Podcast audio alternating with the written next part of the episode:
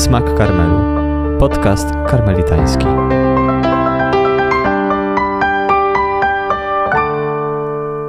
Witajcie. W naszym podcaście pragniemy odkryć, jakie są ścieżki modlitwy, w tym roku modlitwy, które papież Franciszek ogłosił.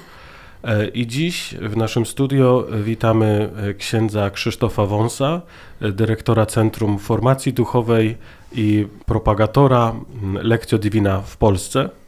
Witam serdecznie. Jest z nami ojciec Marcin Wojnicki. Również witam. No i rozpoczniemy od takiego bardzo prostego pytania, o którym, na które pewnie można byłoby bardzo długo odpowiadać. Czym jest Lekcjo Divina? Najlepiej e, odpowiedzą na to te dwa słowa. E, Lekcjo Divina, czyli Boże czytanie, jest e, duchową lekturą świętych, natchnionych tekstów, czyli Biblii, ale lekturą, w której staramy się czytać Słowo Boga tak, jak Bóg nam je czyta. Stąd Boże czytanie. To Bóg czyta nam Słowo. To jest pierwsze, co komunikuje nam tradycja Lekcjo Divina. Lekcjo Divina nie jest lekturą ludzką, nie jest właśnie lekcją humana, ale jest lekcją boską. Bóg czyta mi Słowo.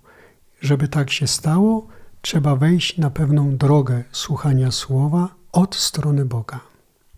Czyli można powiedzieć, że lekcjo divina jest pewnym sposobem życia, pewnym sposobem y, kroczenia ku Panu Bogu.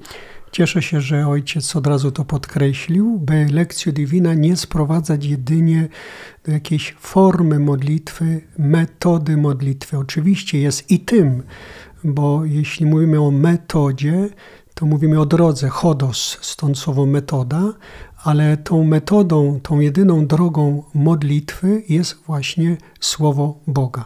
Natomiast e, lekcjo divina jest e, pewną opcją życia, jest rodzajem życia, jest pewną kulturą życia, która polega na tym, że staramy się życie przeżywać z perspektywy Boga. Kiedy to jest możliwe? Kiedy zaczynamy Go słuchać.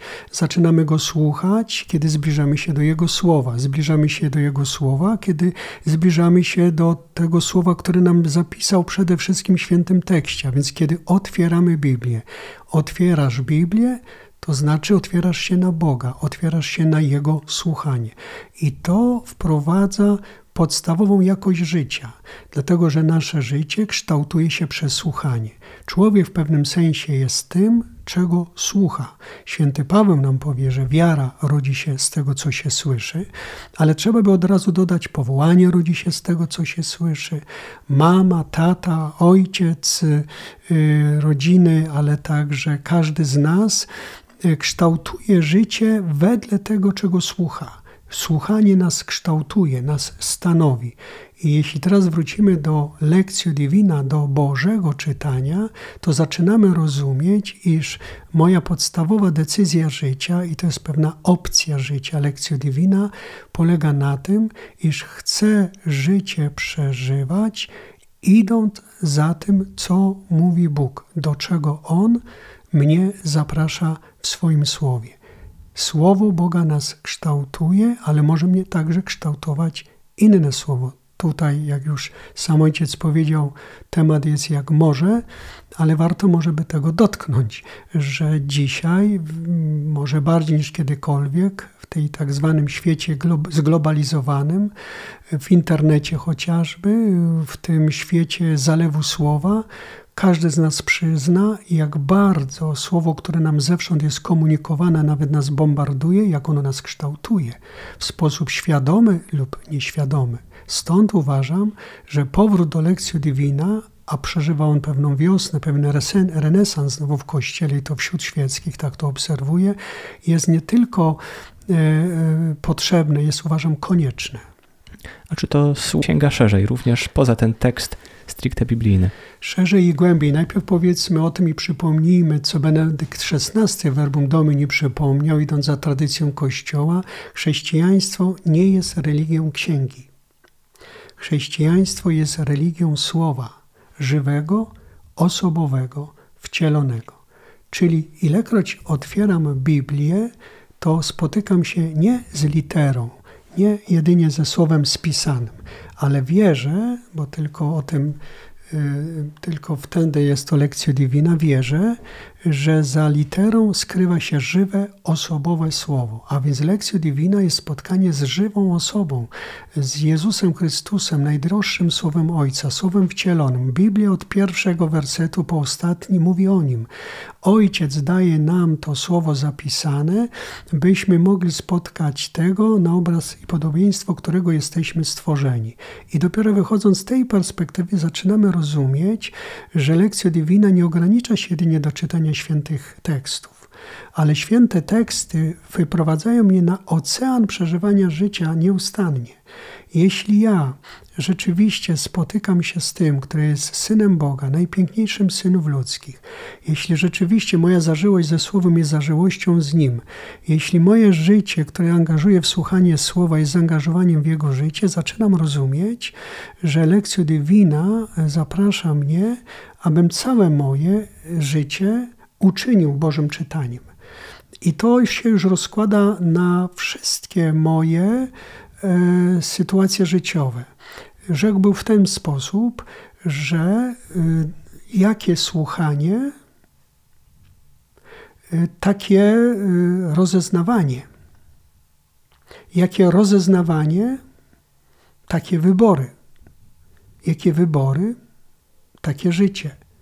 Proszę zwrócić uwagę, e, jak wielkie konsekwencje, jak silne konsekwencje dla naszego życia ma to, czego my słuchamy, czy kogo my słuchamy. Czyli moje słuchanie kształtuje moje rozeznawanie. Można by powiedzieć też odwrotnie: brak słuchania to brak rozeznawania. Na przykład brak słuchania to brak kierownictwa duchowego. Brak słuchania, śmiem twierdzić, to brak życia sakramentalnego albo świadomie przeżywanego. Ja wiem, że powiedziałem rzecz może mocno w tej chwili, ale proszę popatrzeć, wchodzę do kościoła, idę na Eucharystię. Gdzie mnie Kościół najpierw prowadzi na Eucharystię? Do stołu słowa. Ojcowie starożytnie powiedzą, nie mogę spożywać ze stołu chleba, jeśli najpierw nie będę spożywał ze stołu słowa.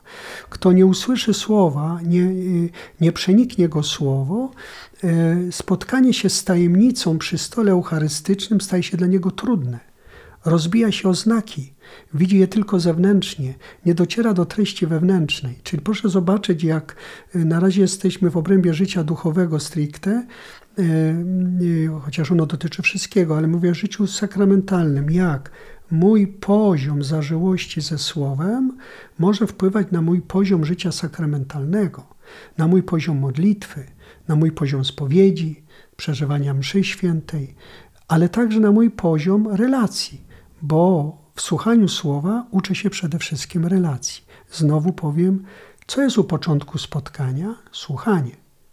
Myślę, że każdy z nas to potwierdzi. Tam, gdzie nie ma słuchania, nie ma spotkania. Jeśli ja idę na jakieś spotkanie i tam każdy chce jedynie mówić nikt nie chce słuchać, my możemy nawet godziny e, spędzić razem i hektolitry herbaty wypić czy kawy razem i się możemy nie spotkać. Czyli jakie słuchanie, takie spotkanie. Ale idźmy dalej. Jakie spotykanie się, takie relacje. I jakie relacje, takie życie. To, ojciec, to, co ojciec powiedział i czego dotknął, jest niezwykle ważne. Bardzo się cieszę właśnie z tak poprowadzonego tego tematu modlitwy, byśmy zobaczyli, że modlitwa nie jest jakąś rzeczywistością hermetyczną, zamkniętą samą w sobie. Ona ma ogromne konsekwencje dla naszego życia. I poziom, jakość naszego słuchania słowa będzie wpływała na jakość życia. Kto sieje w ciele, mówi święty Paweł, ten będzie zbierał w ciele. Kto sieje w duchu, będzie zbierał w duchu. Co to znaczy? Jeśli moje słuchanie jest jedynie cielesne, jest jedynie zmysłowe, tak, słuchanie, bo słuchanie też wpływa na moje patrzenie, na moje przeżywanie. I jeśli ono będzie jedynie cielesne, zmysłowe, na przykład wrażeniowe, sensacyjne, hmm, tak dzisiaj czy, właśnie czytamy, otwieramy, y, sam się na tym przyłapuje, otwierasz y, y, sieć, nie masz wiele czasu, patrzysz po tytułach. I szukasz tytułów, które według ciebie są najważniejsze. Ale czasami się spostrzega, że szukasz tytułów, które ma, robią na tobie wrażenie, które dla ciebie są sensacyjne, które wzbudzą w tobie jakieś przeżycie. I my możemy w ten sposób słuchać. Dlatego lekcja divina, gdyby wrócić do niej, ma także inną rolę niezwykle ważną. Jest drogą katarzis, jest drogą oczyszczenia naszego umysłu, naszych oczu, naszego e, przeżywania, no i oczywiście to, co powiedziałem później, naszych decyzji życiowych. W jaki sposób to oczyszczenie następuje na tej drodze? Tak, tutaj rozpoczynamy jakby opowiadanie, opowieść o tym, czym jest lekcja divina jako droga. Ojciec dobrze to nazwał, że lekcja divina jest pewnym rodzajem drogi, E, może zacznę od tego, że ponieważ cały ten cykl ma dotyczyć ścieżek modlitwy, warto pamiętać, że przez pierwsze wieki lekcja divina e, była jedyną drogą modlitwy znaną. To znaczy nie istniały jeszcze szkoły modlitwy, tak jak dzisiaj istnieją, chociażby bogata szkoła modlitwy karmelitańska, czy ignacjańska, suplicjańska, inne istniała jedna modlitwa, która bezpośrednio wyrastała z świętego tekstu. I na czym ona polegała? Na czym polega to katarzis? Pierwsze, co zresztą im dłużej jestem na tej drodze, tym bardziej sobie to uświadamiam. Pierwsze strategiczne znaczenie w tym katarzis, w oczyszczaniu naszego umysłu, serca, woli, życia, e, posiada lekcję. To jest pierwszy moment. Ja go nazywam strategiczny. Na czym polega strategiczność lekcjo, czyli czytania? No na tym, że podejmujesz podstawową decyzję, bierzesz do ręki Biblię i ją otwierasz. To znaczy mówisz sobie, oby tak było, że jesteś otwarty na Słowo, że jesteś otwarty na Boga. Biblia otwarta mi przypomina, że Bóg jest zawsze na mnie otwarty, a ja decyduję się także otworzyć na Niego. I to jest punkt strategiczny, bo tutaj albo się wszystko zaczyna, czyli otwieram Biblię, albo się nic nie zaczyna, mam Biblię zamkniętą. Jeśli ja mam Biblię zamkniętą, to jest pytanie o moje słuchanie. A jeśli jest pytanie o moje słuchanie w wierze, to jest pytanie o moją wiarę. I czym jest lekcja sama w sobie? To jest y, moment, y, y, no, w pewnym sensie, jak już powiedziałem, strategiczny, ale co mam na myśli? Lekcjo, y, pierwsze z czym mnie spotyka, to z konkretnym tekstem. Mam przed sobą tekst. On nie jest Słowem Bożym. Może teraz to, co powiedziałem, kogoś zaskoczyło. Biblia jako księga nie równa się Słowo Boże. Biblia zawiera Słowo Boga. Bóg zawarł siebie hmm, Bóg Wszechmocny, Bóg osobowy, zawarł siebie w świętym tekście. I z całą pokorą Jego boską y, używa ludzkich słów, używa ludzkich liter, tych samych, którymi w gazetach spotykamy, w internecie, w tym czy w innym języku, aby przez te ludzkie litery, y, ludzkie słowa wyrazić, objawić odwieczne słowo Boga. I tu się rozpoczyna pierwszy etap tego, czym jest lekcja divina. Bo to, co ja mam przed oczami, to jest rzeczywistość ludzka.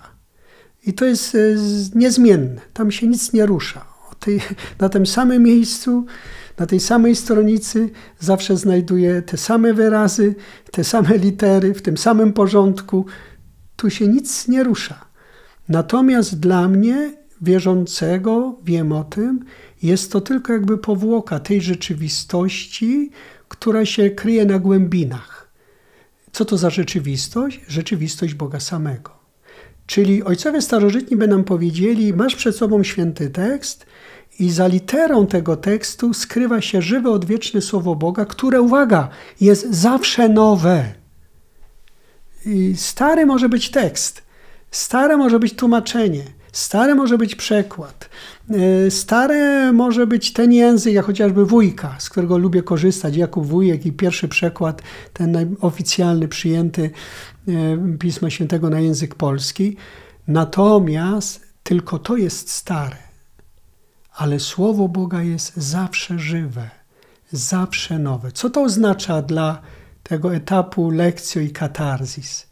Po pierwsze, oznacza to, że to nie ja tworzę prawdę, ale prawda tworzy mnie. To nie ja stwarzam prawdę, ale prawda stwarza mnie. To nie ja moimi myślami, aż tak powiem, e, moim nastawieniem e, stwarzam Boga, bo to byłby mój Bożek, ale to Bóg stwarza mnie. Ale co to oznacza? To oznacza, że ja od początku z pokorą przyznaję, że ja naprawdę mogę się jedynie otworzyć, że ona mi się objawia, że ona jest niezależna od mojego dzisiaj samopoczucia, od moich pytań, od mojego chcę czy nie chcę, od mojego światopoglądu, od mojego spojrzenia na świat. Ona jest prawdą w tym sensie niezmienną, obiektywną. Co to jest tym katarzis?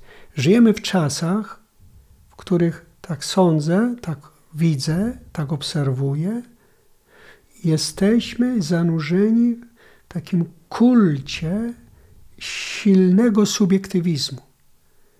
Dzisiaj subiektywizm jest tak silny, że on sprawia, że ważne jest to, co ja czuję, to, co ja widzę lub nie widzę, to, co ja określam jako prawdę albo nie określam jako prawdę. To ja decyduję, co jest dobre, a co złe weszliśmy na ścieżkę bardzo niebezpieczną, tak zwanego relatywizmu i światopoglądowego, i moralnego, i można by filozoficznego. To jest bardzo niebezpieczna droga, bo to oznacza, że już nie ma stałych wartości to oznacza, że to ja ustalam i to jeszcze na dany moment, tak sinusoidalnie, jak nasza natura ludzka się przedstawia. Wystarczy się do kardiogramu podłączyć, ja wiem, że jestem sinusoidalny, prawda? I chwała Bogu. Była krecha prosta, to znaczy, że jestem gotowy do pochówku. Natomiast to oznacza, że, y, y, że nie ja stwarzam prawdę, ale prawda stwarza mnie. I to jest pierwsze. Benedykt XVI powie w Verbum Domini, że pierwszym momentem na drodze lekcji Divina jest pytanie bardzo ważne, co mówi tekst sam w sobie, co on zawiera w sobie, czyli co mówi Bóg w tym tekście. Bo, dodaje, jeśli nie, za, nie postawię sobie tego pytania, to istnieje niebezpieczeństwo i nam księżom zagraża, i osobom świeckim, wszystkim, którzy otwierają Biblię, wierzą, istnieje niebezpieczeństwo, że moje czytanie tekstu będzie jedynie pretekstem, by nigdy nie wyjść poza ludzkie słowa, poza ludzkie myśli. To jest niebezpieczne. Ja mogę czytać i swoje myśleć. Ja mogę czytać i swoje robić. Ja mogę być codziennie na Eucharystii w niedzielę i swoje robić. Ja mogę codziennie e, zanurzać się w lekturze Pisma Świętego i prowadzić życie niezależnie od tego, co czytam w świętym tekście. To jest subiektywizm, to jest relatywizm, jeśli do tego dochodzi. Mówimy o pewnej negatywnej stronie, bo cały czas próbujemy y, powiedzieć sobie, co to znaczy, że lekcja divina jest drugą katarzis. Tu widzę to pierwsze, czyli obiektywizowanie rzeczywistości. Na tej drodze bardzo dobrze, już tylko dopowiem, bardzo dobrze jest, a uważam, że nawet bardzo ważne, jeśli chcemy zgłębiać słowo, żeby nam towarzyszył kierownik duchowy. Tutaj nasuwa mi się pytanie właśnie co do obiektywizacji tekstu, co do podejścia do samego tekstu biblijnego. No też nie da się ukryć, że to jak my dzisiaj patrzymy na tekst biblijny jest inne od tego, jak patrzyli na niego na przykład starożytni. Dzisiaj też korzystamy z egzegezy, również egzegezy krytycznej, lektury historycznej tekstów. Wiemy, że wiele tekstów no, nie opisuje historii tak, jak ją dzisiaj rozumiemy. Jest pewną teologiczną konstrukcją. I wydaje mi się, że to jest też takie symetryczne zagrożenie. To znaczy, że w tym tekście, który analizujemy już od strony leksykalnej, historycznej, e, redakcyjnej, można zupełnie zagubić Słowo Boże. I pytanie, jak z jednej strony nie porzucić tego podejścia rozumowego, racjonalnego, badania po prostu, jak ten tekst powstawał i jakie jest jego literalne znaczenie czy zamysł autora, a z drugiej strony jednak dostrzec w nim tą głębię Boga, który przemawia poprzez te wszystkie wieki historii, historii redakcji, różnych kodeksów, które do nas docierały i tak dalej? Bardzo ważne pytanie. W związku z tym musimy przywołać tutaj tego, który jest jedynym e, świętym i najważniejszym autorem tekstu, to jest Duch Święty. Czytanie dla człowieka wierzącego, nie mo, czytanie świętego tekstu nie może się odbywać inaczej, jak w duchu tego, który strzeże e, prawdziwości tekstu. Ducha Świętego. Dlatego my, jako ludzie wierzący, jako ludzie Kościoła, mówimy, że tekst święty czytamy w Kościele, nie poza Kościołem, czyli w Kościele oznacza nie tylko w sensie materialnym, oznacza yy, czytamy go w duchu nauki Kościoła. Co to oznacza? I tu musimy wrócić do tych kwestii, o których ojciec powiedział. Istnieje podwójne znaczenie tekstu. Sensus auctoris i sensus textus. Sensus auctoris to jest to, co miał pod natchnieniem ducha na myśli, co mógł i co spisał jako istota granic, tamtej kultury, tamtej wiedzy, tamtych możliwości. To, co spisał pod natchnieniem ducha, to jest istotne dla nas, autor święty. To, co on wtedy wiedział, to, co on wtedy miał na myśli, czerpał skąd? Nie czekał jedynie na światło, które wyleje się z nieba, gdzieś zaszyty w ciemnym kącie, piszący święty tekst. Autor był pasterzem wspólnoty najczęściej, albo był przewodnikiem, był jakimś autorytetem. On czerpał natchnienia ducha także ze wspólnoty. Czerpał to, to wołanie ducha ze świata. Czerpał z natchnień wewnętrznych, poruszeń, tak jak my teraz. Ale tak jak my jesteśmy istotami granic, po nas przyjdą inni, którzy będą wiedzieli więcej niż my wiemy, tak i oni wtedy byli y, jako istoty granic, zanurzeni w granicach tej rzeczywistości, w której byli. Ale to jest sensus textus i to pokazuje na pokorę Ducha Świętego. Co więcej, jeszcze do tego możemy dodać, nie zawsze byli to autorzy, e, którzy prowadzili do końca święte życie, e, którzy byli e, wspaniali. Mamy księgę, która jest przypisywana chociażby prorokowi Jonaszowi, słynny prorok, który nie zgadzał się z Bogiem, który się kłóci z nim do końca, który ma pretensje do Boga, że sprawił i przekonał do nawrócenia Niniwitów ale Bóg posługuje się naszą ograniczonością i ludzką, i w wymiarze duchowym, by przekazać nieograniczone, odwieczne słowo. I dlatego istnieje to, co my nazywamy sensus textus. To znaczy, to jest ten sens, który dzięki Duchowi Świętemu Kościół, y, idąc przez wieki drogą wiary, odkrywa Dei Verbum nam powie, że Słowo Boga pozostaje dla nas niezgłębione że będzie do końca czasów odkrywane, rzecz jasna, bo Bóg jest dla nas niezgłębiony. My nie jesteśmy w stanie zgłębić tajemnicy. Ona zawsze dla nas pozostanie oceanem. Ireneusz z Lyonu powie, że cała wieczność będzie ewolucyjna. Będziemy wiecznie poznawali Boga. Będziemy nieustannie Go poznawali.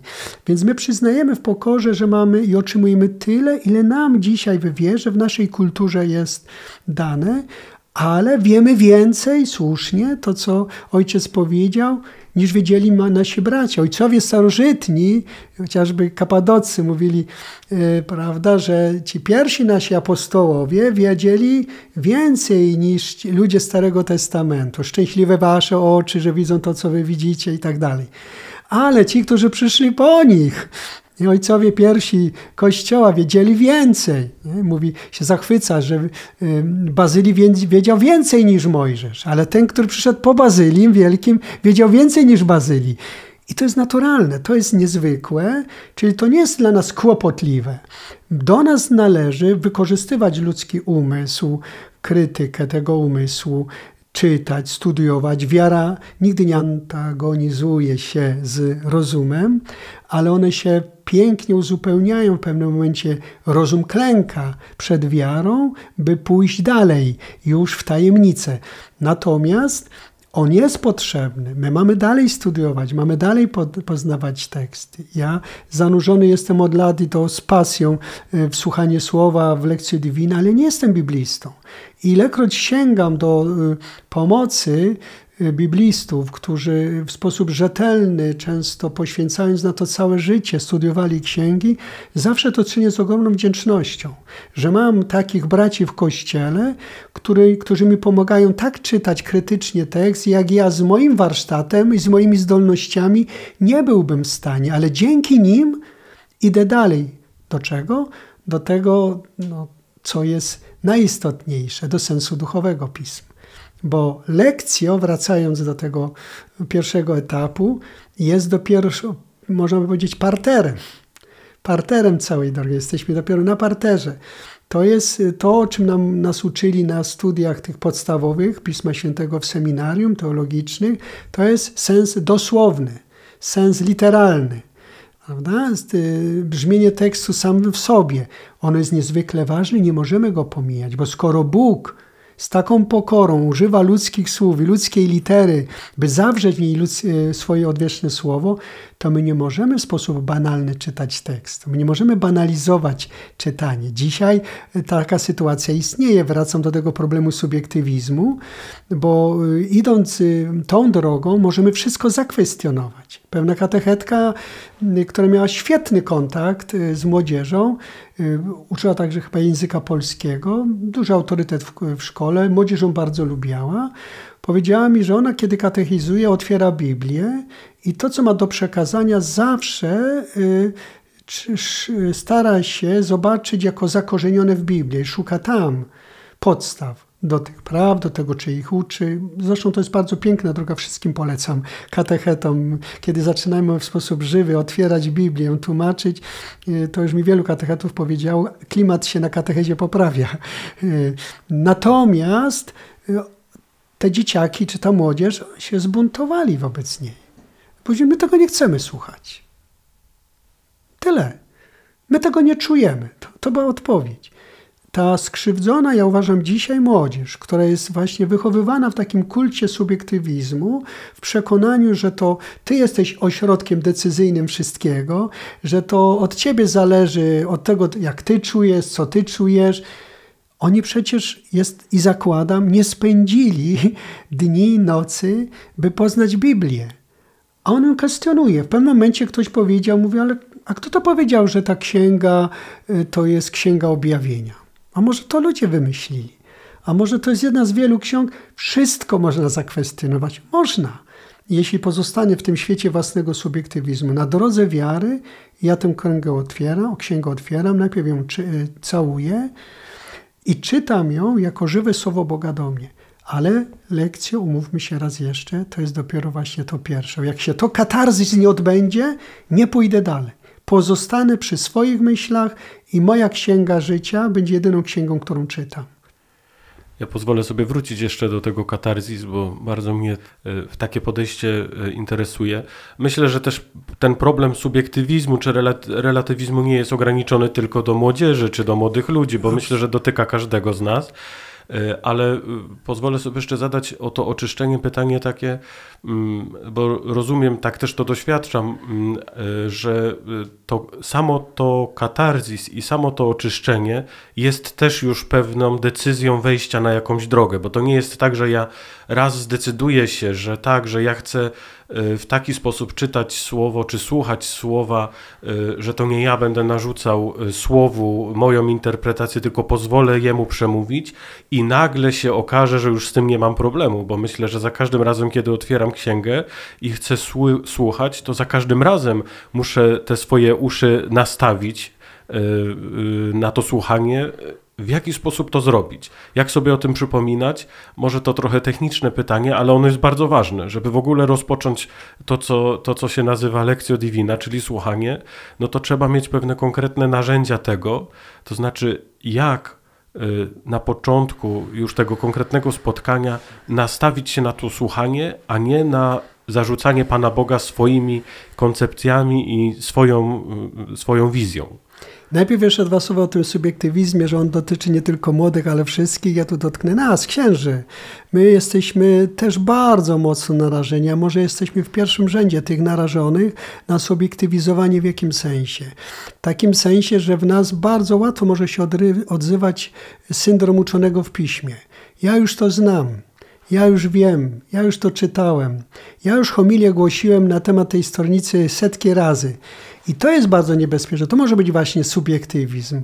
Ja jestem przekonany, że y, to słowo mi już nie może więcej powiedzieć. Czyli tak naprawdę ja narzucam temu słowu jakąś pojemność, można by powiedzieć, y, która jest związana ze mną, ale tak naprawdę jest związana z moim ograniczeniem, nad którym nie pracuję. I tutaj wracając właśnie do tego pytania, ja nie mam wątpliwości, że najświętszym i najważniejszym narzędziem przy czytaniu świętego tekstu jest wiara. Bo ja Biblię mogę otwierać jako księgę, literaturę piękną, która bardziej mnie interesuje. Każdy ateista z pasją przeczyta, jeśli e, kocha literaturę piękną, przeczyta Biblię. Będzie miał wiele pytań, będzie miał wiele uwag krytycznych, ale ja mogę czytać tylko jako taki, jako taki tekst. Natomiast pierwsze i najważniejsze jest, ja wierzę, że kiedy otwieram się na święty tekst, otwieram się na Boga, który mówi. On nieustannie do mnie mówi. I do tego stopnia, że mogę zwolnić się z takiego e, e, obciążenia, że ja tego nie rozumiem. To jest jedno z takich obciążeń, które sprawia, że wielu ludzi nie sięga do Biblii, bo uważają, że to jest święta księga, ale za trudna księga. To jest na pewno najważniejsza księga, ale oni tego nie potrafią czytać. Ja zawsze mówię, y, jeśli czytasz z wiarą i wierzysz, że Bóg do ciebie mówi, to znaczy, że Bóg cię zna. Mówi, to znaczy, że On cię pierwszy słucha. On cię pierwszy rozumie. I nawet jeśli ja nie rozumiem tekstu, to mogę powiedzieć, Bóg mnie rozumie. Co ja mam zrobić, jeśli jestem wierzący? To, co powiedział Jezus. Tylko dzieci wejdą do królestwa. Święty tekst jest przede mną jak święte królestwo. Im więcej we mnie dziecka, tym bardziej jestem obecny w tym królestwie. Czyli czytaj święty tekst, właśnie ta postawa jest najważniejsza. I dla profesora teologii, i profesora Pisma Świętego, i dla najzwyczajniejszego człowieka gdzieś tam pod strzechą w wiejskiej e, mm, e, jakiejś osadzie, najważniejsze jest, by czytać e, tekst z wiarą jak dziecko, czyli tak jakbym go miał pierwszy raz przed oczami. Dla nas księży to jest szczególnie trudne. Tak jakby, jakbyś jeszcze nigdy tego tekstu nie widział na oczy. Czytasz i czytasz. Ojcowie starożytni mieli taką drogę czytania, że tylko czytali. Jeśli zaglądniecie do księgi, do reguły świętego Benedykta, y, która jest szkołą Lectio Divina, no, droga benedyktyńska była dla nas drogą Lectio Divina, to przez nią ten kult Lectio Divina i tradycja się mocno rozpowszechniała. Kiedyś mi ktoś na to zwrócił uwagę.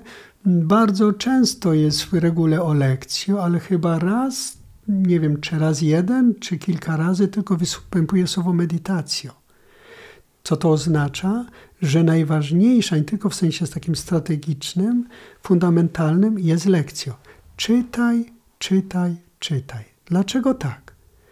Bo jeśli ja podchodzę z wiarą do tekstu świętego, to co mi wiara mówi? Że mam przed sobą słowo, które mnie stworzyło i które mnie stwarza. To, co Stary Testament będzie o słowie Boga i tylko o słowie Boga mówił, określając je słowem dawar. Czyli ono nie tylko mówi, ale sprawia to, co mówi. Ono nie tylko mówi, ale to, co mówi, się wydarza. Więc jeśli ja czytam święty tekst, nawet kiedy go nie rozumiem, słowo jest niezależne ode mnie, jeśli czytam z wiarą i miłością, to to słowo mnie stwarza. Przyjdzie moment, kiedy ja albo więcej zacznę słyszeć, więcej rozumieć, ja przynajmniej tak mam, Niejednokrotnie przygotowując się do, do, do też głoszenia słowa, staram się najpierw to słowo usłyszeć. Mam takie poczucie nieraz, że nie słyszę. I właśnie nieraz nie słyszę stronicy, którą już tyle razy czytałem. Muszę się przedrzeć najpierw przez tą warstwę mojego ja już wiem, by jak dziecko stanąć przed tym tekstem, bym on mnie stwarzał, by on mnie określał. I co się dzieje wtedy? To słowo się wydarza we mnie, a jeśli ono się wydarza we mnie, to znaczy, że, że już najważniejsze się wydarzyło. Ono już jest we mnie. Ja mogę nie widzieć, nie, nie słyszeć, nie rozumieć w tym momencie. Ono mnie przemienia od wewnątrz, ale także przy czytaniu tekstu. OK, mówiliśmy o tym, o krytycznym czytaniu, o narzędziach, o, o warsztacie, ale najważniejszym warsztatem, już raz powtarzam, jest wiara, cierpliwe czytanie tekstu i on mi się odsłania. Na, ćwi, na lek, rekolekcjach Lekcji Divina, które praktykujemy w tym domu, ośmiodniowych z indywidualnym, codziennym towarzyszeniem kierownika duchowego, to jest jedno z piękniejszych doświadczeń, z którymi się spotykam. Wiem, że kiedy wprowadzam ludzi w ten pierwszy moment i oni bez naszych prowadzeń, bez naszego wyjaśniania, czytają przez godzinę tekst, czasami kilkanaście wersetów mniej więcej, przez godzinę czytają, nie mając żadnych innych narzędzi. Kto chce, może skorzystać z jakiegoś komentarza, ale wielu praktykuje tylko czytanie. Mówi, proszę ojca, to jest dla mnie zdumiewające. Ten tekst, który mi się wydawał zimny, niedostępny, niezrozumiały, im dłużej go czytałem, dłużej go czytałem, on się przede mną stawał. On mi się otwierał, on się przede mną rozjaśniał, żebyśmy o tym pamiętali. Ojcowie starożytni mieli, mieli sakramentalną wizję słowa. Ale teraz do nas, ludzi Nowego Testamentu, dochodzi jeszcze jeden wymiar, którego nie mieli ludzie Starego Przymierza. Słowo jest nie tylko dawar, ale jak mówi Cantalamessa, dziś już kardynał Cantalamessa, odkąd Słowo stało się ciałem, Słowo już jest nie tylko wydarzeniem, jest osobą, jest Bogiem człowiekiem. I dlatego to jest to, co powiedzieliśmy. Ja wchodząc w czytanie świętego tekstu, wchodzę z nim w relację osobową. Do tego stopnia, że albo się spotykam z tekstem świętym osobową, osobowo, bo, bo Słowo Boga jest słowem osobowym, albo się z nim mijam. Tu jest ten moment bardzo istotny. Mianowicie, żeby, mm, za chwilę przejdziemy do medytacji, moje spotkanie z tekstem nie było abstrakcyjne. Tutaj jeszcze nasuwa mi się pytanie. Mówiliśmy już o lekturze krytycznej, a chciałbym jeszcze zapytać o taką lekturę bezkrytyczną, bo mówimy o spotkaniu ze Słowem, o tym, że Słowo przemawia, natomiast są też osoby, które mają bardzo dużą łatwość, powiedzmy, słyszenia tego, co Słowo do nich mówi. I nie mówię tego w takim sensie bardzo pozytywnym, raczej w sensie na przykład otwierania Pisma Świętego w losowym miejscu i szukania wskazówki na dany moment. To znaczy, jak rozróżnić to, co Bóg faktycznie chce mi przez słowo powiedzieć, e, od tego, co ja chcę w tym słowie wyczytać, czy co w jakiś sposób podpowiada mi wyobraźnia, moje potrzeby, pragnienia w danym momencie i co ja tekstowi narzucam. Myślę, że to jest też bardzo kluczowe pytanie, właśnie jak odróżnić to Słowo Boże, to Słowo obiektywne, od takiego mojego znowu bardzo subiektywnego podejścia do tekstu. Bardzo ważne, e, bardzo ważna kwestia. Wrócę do tezy, którą przywołaliśmy na początku. Słowo Boga, Biblię, która zawiera Słowo Boga, czytamy w Kościele, nie poza Kościołem. A to oznacza także, to nie jest jakiś ogólnik, jakaś jedynie teoria, że im bardziej rzeczywiście chcę wchodzić w zażyłość z tekstem, im bardziej jestem przekonany, że Słowo do mnie mówi, że mi przemawia, że otwieram Biblię, e, czytam i, i już słyszę, co Bóg do mnie mówi, tym bardziej to obiektywizuj w Kościele.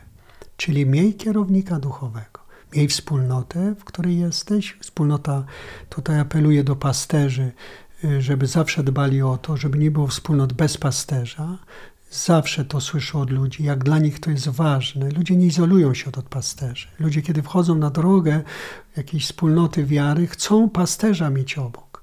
Więc y, jeśli jest pasterz, to to jest pierwsza możliwość. Często to, to czytanie, dzielenie się, czy mówienie, czy ktoś tak odkrył, tak sądzi, to jest zawsze do rozeznania, zweryfikowania, że ma dar proroctwa, dar wyjaśniania pisma. Spotkałem niedawno takie osoby.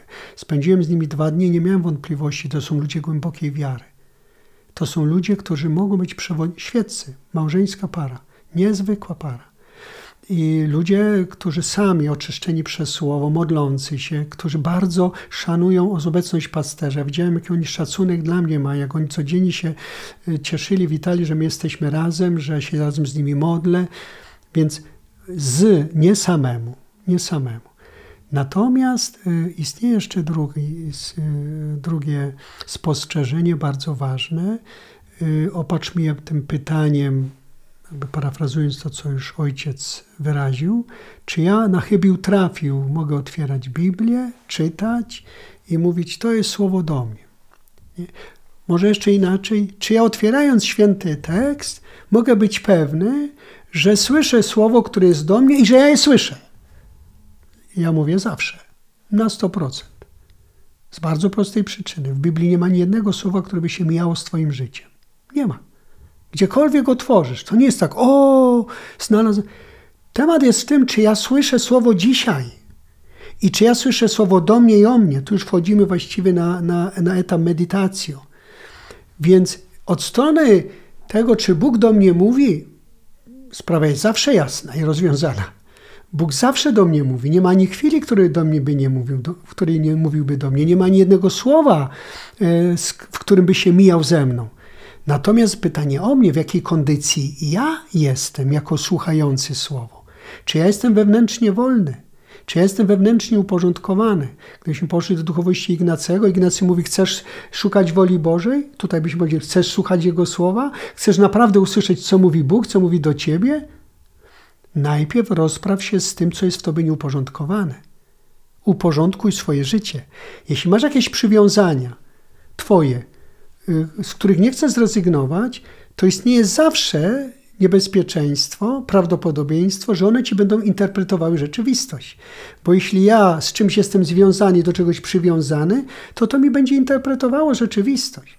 I dlatego święty Jan od Krzyża, tu jesteście ekspertami, mówi, że jest taki moment w życiu duchowym, kiedy przechodzisz przez ciemną noc.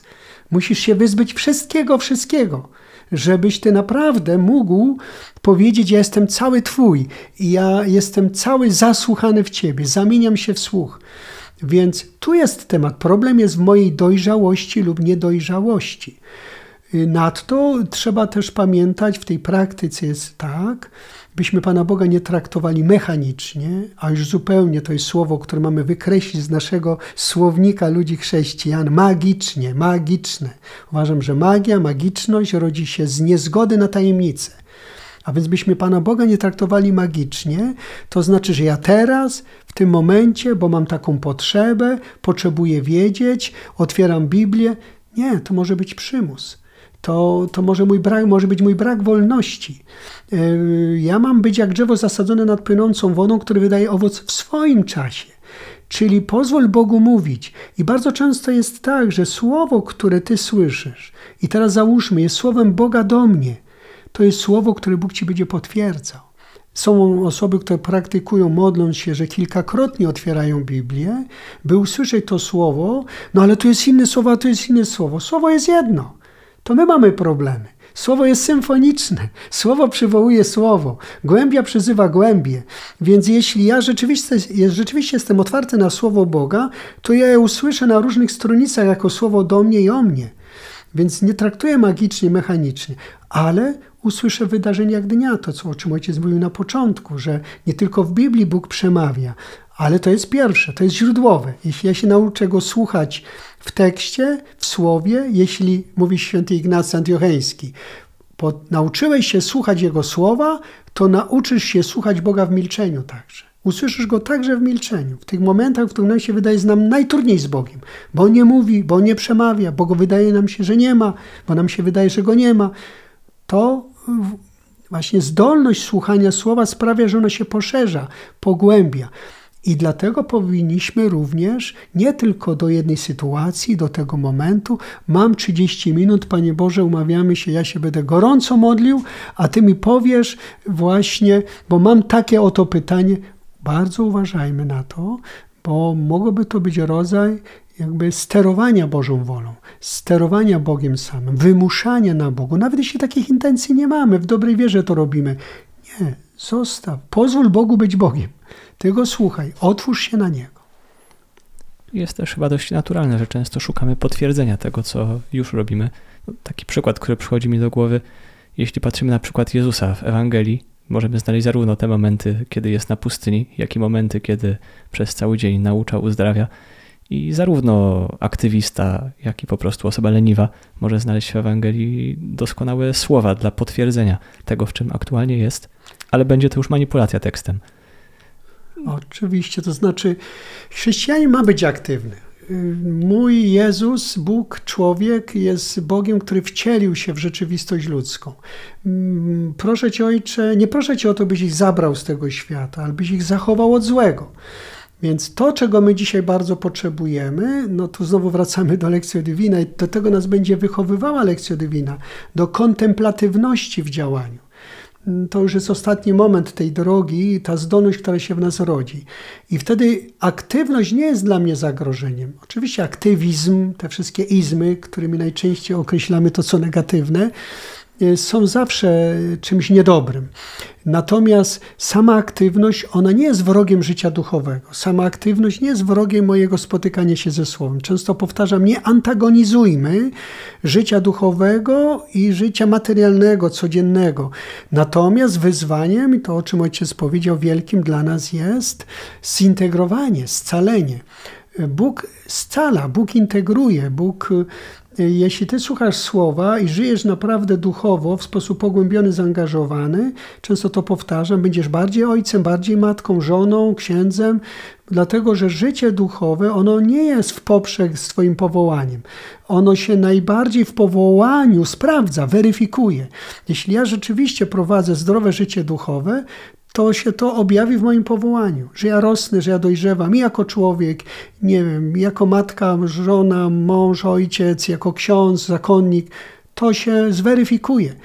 Natomiast oczywiście, jeśli moje życie jest jak rozpędzony pociąg, to oczywiście jest tak, że jednym z największych wrogów uważam dzisiaj życia duchowego, czyli chodzenia drogami ducha, jest pośpiech.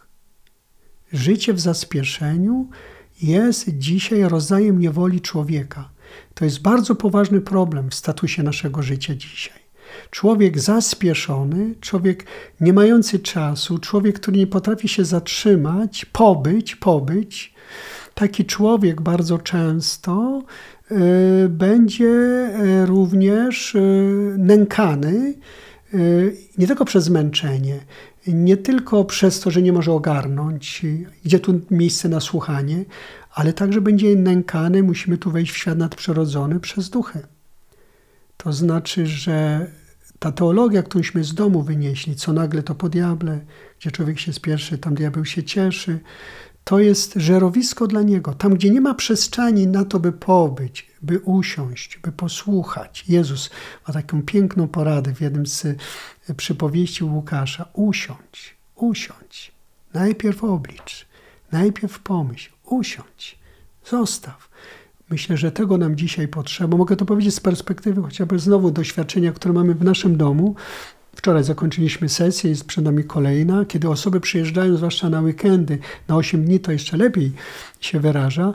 Pierwsze co i z czym się zderzają, to jest swoim ogromnym zmęczeniem że oni dalej biegają. Oni nie mają potrzeby, by biegać, ale to ten twardy dysk, on jest tak nagrany, on jest tak w nas wgrany, że my funkcjonujemy w pewnym zaspieszeniu, które zawsze jest wrogiem życia duchowego. I wtedy to, co ojciec powiedział, aktywizm może mi bardzo subiektywizować życie.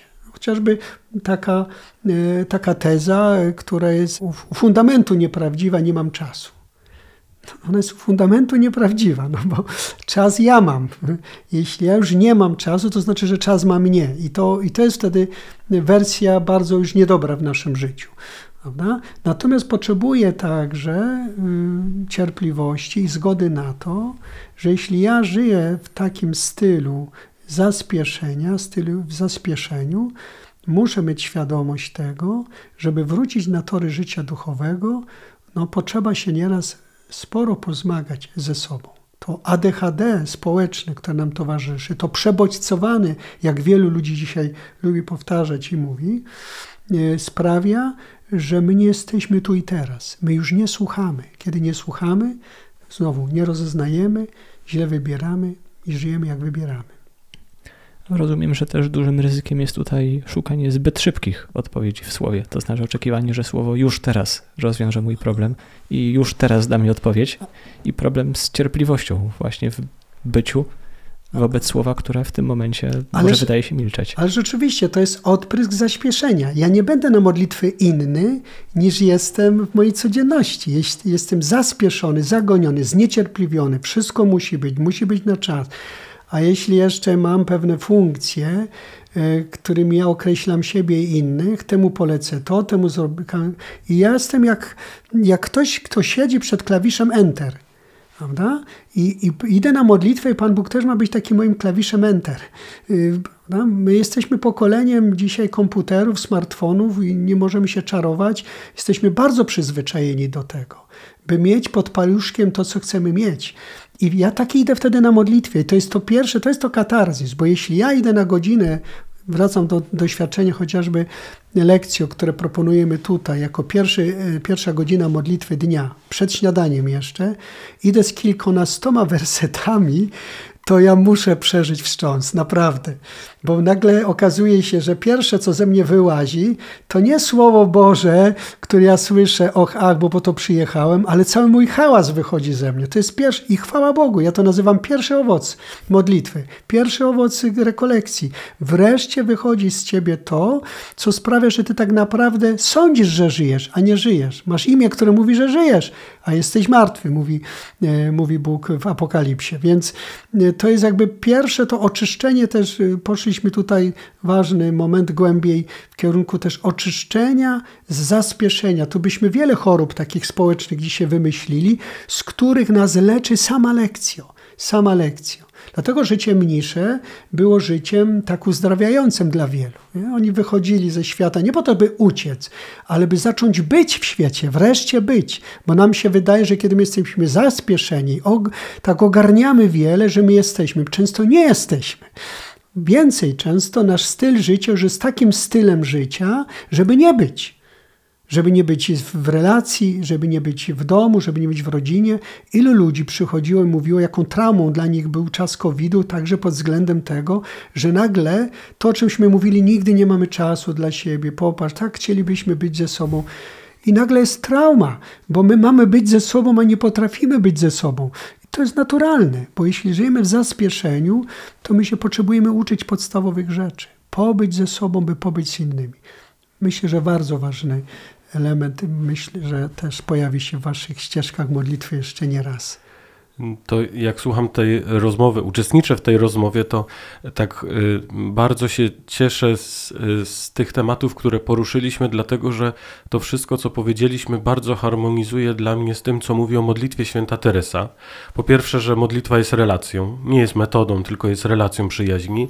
A po drugie, Teresa mówi o trzech filarach modlitwy. Mówi o oderwaniu, Mówiliśmy bardzo dużo dzisiaj o oczyszczeniu, o tej drodze katarzis. Oczywiście o tym też mówi święty Jan od Krzyża, natomiast Teresa na temat tego oderwania również bardzo dużo mówi. Po drugie mówi o poznaniu siebie, o pokorze, o prawdzie, o mnie, jaki przychodzę na modlitwę, że, że nie przychodzę inny, tylko po prostu jestem taki, jaki jestem i Pan chce się ze mną spotkać. I mówi też o miłości bliźniego, czyli o pewnej takiej zewnętrznej weryfikacji tego mojego doświadczenia, że to doświadczenie modlitwy, spotkania ze Słowem nie jest zamknięte do tych 30 minut, godziny, w zależności od tego, ile mamy czasu, tylko wychodzi poza to spotkanie. Ono zaczyna y, owocować nie w trakcie, znaczy rozpoczyna owocowanie być może już w trakcie, ale prawdziwe owoce przychodzą po czasie spotkania kiedy spotykam drugą osobę i, i wtedy mogę z tego spotkania z Jezusem y, czerpać. Bardzo się z tego cieszę, że, że tak wiele tych wątków y, poruszyliśmy, rozmawiając właściwie z tego co zauważyłem, tylko o pierwszym etapie lekcja divina, czyli dokładnie o lekcję. Tak, dokładnie e, tak. E, ale no, nie żałuję tego, że tak dużo czasu poświęciliśmy na ten strategiczny, jak to, jak to sam ksiądz podkreślił, etap. Ja też mogę powiedzieć sam z doświadczenia, tutaj byłem już dwa razy na tych rekolekcjach i faktycznie to oczyszczenie podczas tego lekcji e, się odbywa. Może tak na zakończenie naszej rozmowy? Y, a ja jeszcze miałbym jedno pytanie, które też wychodzi w kontekście naszych świętych, bardziej tutaj znowu nawiążę do Jana od Krzyża, bo mówiliśmy o tym słowie, które milczy, mówiliśmy też o tym wejściu w lekcjo, kiedy na godzinę na przykład lekcjo dostaje kilkanaście wersetów, no i ten tekst się otwiera stopniowo, kiedy wchodzę w niego coraz głębiej, ale są też takie momenty, kiedy tekst się nie otwiera, czy wydaje się, że się nie otwiera i to nie trwa godzinę, ale może trwać tygodniami czy miesiącami, kiedy wydaje się, że Bóg milczy, że nie przemawia przez swoje słowo. I jak rozumieć te momenty, czy jak do nich podchodzić? Czy Bóg wtedy faktycznie milczy, nie przemawia, czy to może my nie potrafimy go usłyszeć? Tak, po pierwsze, powodów wiele może być takiego stanu rzeczy, ale cokolwiek się nie dzieje, jakiekolwiek nie są powody, to zawsze coś się dzieje na modlitwie. Na przykład takie doświadczenie, że Bóg nie przemawia, że, że pisma się przede mną nie otwierają. Od razu mi nasuwa jakiś stan napięcia. Bo ktoś, kto otwiera pisma, kto chce się modlić, kto chce słuchać Boga i go nie słyszy, i, i wydają mu się te pisma zamknięte przed nim, przeżywa napięcie. I to napięcie jest miejscem modlitwy. Wytrzymać napięcie pobyć z tym napięciem. My czasami próbujemy Panu Bogu pomóc. Zaczynamy dużo mówić, zaczynamy, przepraszam za to określenie, wyciskać jak cytrynę, by coś, by jakaś treść była. Zostaw, zostaw. Być może właśnie ten stan jest Ci bardzo potrzebny, by głębiej zobaczyć, by więcej usłyszeć. To, że się tak po ludzku, bo my mamy pewne kryteria ludzkie, coś jest modlitwą albo nie jest modlitwą, e, że tak po ludzku sądząc nic się nie dzieje, nie oznacza, że tak jest. Jeśli ty przed tekstem stajesz z wiarą, z miłością, dzieje się wiele i wtedy to napięcie może stać się dla mnie miejscem spotkania ze sobą i z Bogiem. Na przykład to napięcie y, może mnie poprowadzić do takiego doświadczenia, w którym ja bardziej rozeznam, co dzieje się ze mną powiedzmy, że jest gdzieś temat po mojej stronie, nie ze złej woli, ale nagle ta cisza, y, to jakby Bóg nic nie mówi, coś mówi o mnie, bardzo dużo mówi o mnie. Przykład, istnieje taki, taki bardzo negatywna forma napięcia, y, ona się nazywa nuda. Jeśli ja idę na modlitwę i się nudzę, staję przed tekstem, ale się nudzę, nudzę, to to warto się nad tą nudą zastanowić. Co ta nuda mi mówi, co ona oznacza. Bo nuda może być również owocem e, braku spotkania ze sobą. Nudzę się, to znaczy, że ja nie mam kontaktu ze sobą, e, że to jest niezdolność do bycia ze sobą. Może być to to, może być tak, że ja do tej pory mi się wydawało, że ja go słucham. Być może ja reżyserowałem te spotkania, być może one się odbywały y, pod moją reżyserię. Natomiast nagle Pan Bóg chce, żebym poszedł Jego drogą i mi pokazuje coś, co we mnie potrzebuje otwarcia się. Ale może być również inaczej. Może być tak, jak powiedział święty Ignacy Antiocheński, że kto nauczył się słuchać Go w słowie, ten nauczy się słyszeć Go także w milczeniu. Że milczenie dla mnie jest y, najsilniejszą formą przepowiadania Boga. Y, natomiast jest pytanie, i tutaj nie, nie miejsce na to, warto pewnie i, i poświęcić temu y, w ogóle całe spotkanie, czym jest milczenie, czym jest cisza co ona wydobywa, czy jaką, jaką przestrzenią dla życia duchowego i w ogóle dla życia jest cisza. Też jeden z elementów wielkiego kryzysu to też jest katarzis w czasie lekcji, że pierwsze, z czym my się musimy uporać często to z hałasem, którym nam nie, poz, nie pozwala usłyszeć to słowo. Ja czytam, ale ja ciągle jestem tam, e, skąd, skąd e, przyjechałem tutaj, z czym sobie nie radzę. W każdym razie ten, y, ten temat ciszy jest czymś niezwykle pozytywnym. Ja uważam, zawsze się coś dzieje. Nawet wtedy, kiedy mówimy, że się nic nie dzieje, to jest jedynie sposób mówienia. Zawsze się coś dzieje. No, dzieje się cisza, dzieje się jakieś napięcie, dzieje się y, to, że ja nic nie słyszę. Prawda? I, I warto z tym pobyć. I żeby, to jest ważne, nie oceniać się. Jeśli mamy kierownika duchowego, to rozeznaje to z nim, ale nie opiniować, nie oceniać bo jeśli my się od razu osądzamy, to ja się nie potrafię modlić, to ja nie słyszę, to jestem gnuśny, to jestem zamknięty. Musimy bardzo uważać. Sądzę, że w tych spotkaniach o modlitwie bardzo będzie potrzebne też spotkanie o rozeznawaniu duchów, duchowym, bo bo ono ma, e, ten świat ma ogromny udział w naszym życiu duchowym, w naszej modlitwie. Natomiast tu się jeszcze odnoszę do tego, co ojciec powiedział, czym się ucieszył, no bo tak jest, bo, bo, bo Duch Święty jest jeden. Jedno jest życie w duchu, to znaczy, że prowadzone przez tego samego ducha, ale, ale to, co jest fantastyczne, co, co jest geniuszem Ducha Świętego Boskim, jest to, że On do, z każdym z nas potrafi nawiązać relację jedyną niepowtarzalną. Wobec każdego z nas ma jakiś język. A są takie osoby, które sobie wybiera i którym przekazuje taki charyzmat, jak Teresie, jak innym, którzy to słowo, którym żyją, potrafią w sposób taki przekazać, jak nikt wcześniej tego nie przekazał. Czyli mamy jakąś, jakiś dar pewnej optyki w czytaniu słowa życia duchowego, który jest odkrywczy i który staje się dla wielu z pewnością, tutaj sporo osób przyjeżdża taka, takich, którzy są na drodze też e, modlitwy e, e, no, szkoły karmelitańskiej, którzy odkrywają w niej także swoją przestrzeń życia. I to jest bardzo piękne, że Duch Święty trafia do każdego z nas, ale u podstaw jest tak, jedno jest słowo w całej Biblii, jest jedno słowo, myśmy wiele usłyszeli, tym słowem jest On, Jezus Chrystus, tak i w tym sensie jest jedna, można powiedzieć, duchowość. To jest duch, który żyje w nas, ale która jest symfoniczna, ta duchowość, czyli ma, ma wiele dźwięków, wiele barw, wiele tonacji. No i chwała Panu za to. To jeszcze na, na zakończenie może y, dla naszych słuchaczy jakaś, y, znaczy cała nasza rozmowa, mam nadzieję, była zachętą, żeby na tą drogę wejść, ale jeszcze tak, y, tak na zakończenie, jakby ksiądz mógł y, przedstawić jakieś mm, sposoby czy konkretne możliwości realizacji tej drogi, która na, które na przykład tutaj w Centrum Formacji Duchowej w Krakowie y, są y, proponowane. Tak, zacznij najpierw od czytania Pisma Świętego. Otwiera je nie co pewien czas, codziennie. Uważam, że regularność, systematyczność, wierność, stałość jest w ogóle kluczem do życia i mm, do, do takiej formy także duchowej. Więc to jest pierwsze. Bądź wierny czytaniu świętego tekstu. To szybko cię poprowadzi do tego, że będziesz szukał kogoś, kto będzie ci w tym towarzyszył. Kierownik duchowy, wspólnota.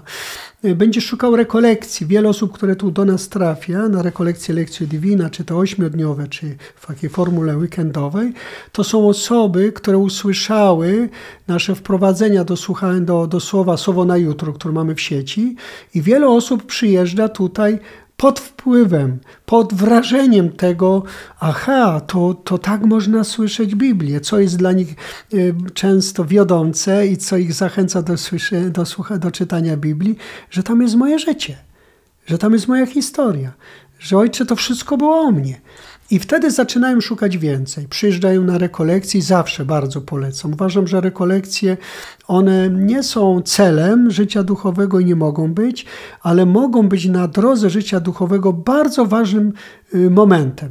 Takim impulsem, który sprawi, że ja ożywiam się w wierze, że ja więcej szukam, że ja zdobywam także pewne, pewną metodykę, pewną drogę y, y, dbania o siebie w życiu duchowym, praktykowania życia duchowego y, i dlatego zawsze namawiam do tego, by nie iść w pojedynkę, nie da się zresztą w życiu duchowym, tak jak w życiu w ogóle, ale iść zawsze otoczony ludźmi, tymi, którzy więcej także, większe już doświadczenie mają, którzy mogą mnie poprowadzić, czy w kierownictwie, oczywiście spowiedź święta najpierw, ona jest fundamentu, kierownictwo, ale także później w konkretnej wspólnocie realizowanej o konkretnej duchowości. Niech tak będzie. W takim wypadku czujemy się wszyscy zachęceni e, do wejścia na tą drogę, albo może raczej powiedzieć do kontynuowania tej drogi, bo ufamy, że każdy już na tej drodze jest. E, za tą dzisiejszą rozmowę e, o lekcjo Divina mm, księdzu Krzysztofowi bardzo dziękujemy. Ja także bardzo dziękuję i pozdrawiam Was z takim porzekadłem, które sobie ukułem. Czytajcie Biblię, bo czytanie Biblii dobrze robi na oczy. Dobrze robi na serce, dobrze robi na głowę. Czytajmy Biblię. Czytanie Biblii nie jest luksusem, jest koniecznością. Chrześcijanin, który nie otwiera Biblii, jest zagrożony. Chrześcijanin, który nie czyta Słowa Bożego w swojej wierze jest zagrożony. Ale odwrotnie, który czyta, ten zobaczy, że mu się wzrok poprawia, serce dobrzeje i oddech się poprawia, no i wola staje się silniejsza. Za tą ostatnią e, zachętę e, również dziękujemy. Był z nami również ojciec Marcin Wojnicki i do usłyszenia w następnych podcastach. Dziękuję za zaproszenie. Do zobaczenia także u nas. Z Bogiem. Smak karmelu. podcast karmelitański.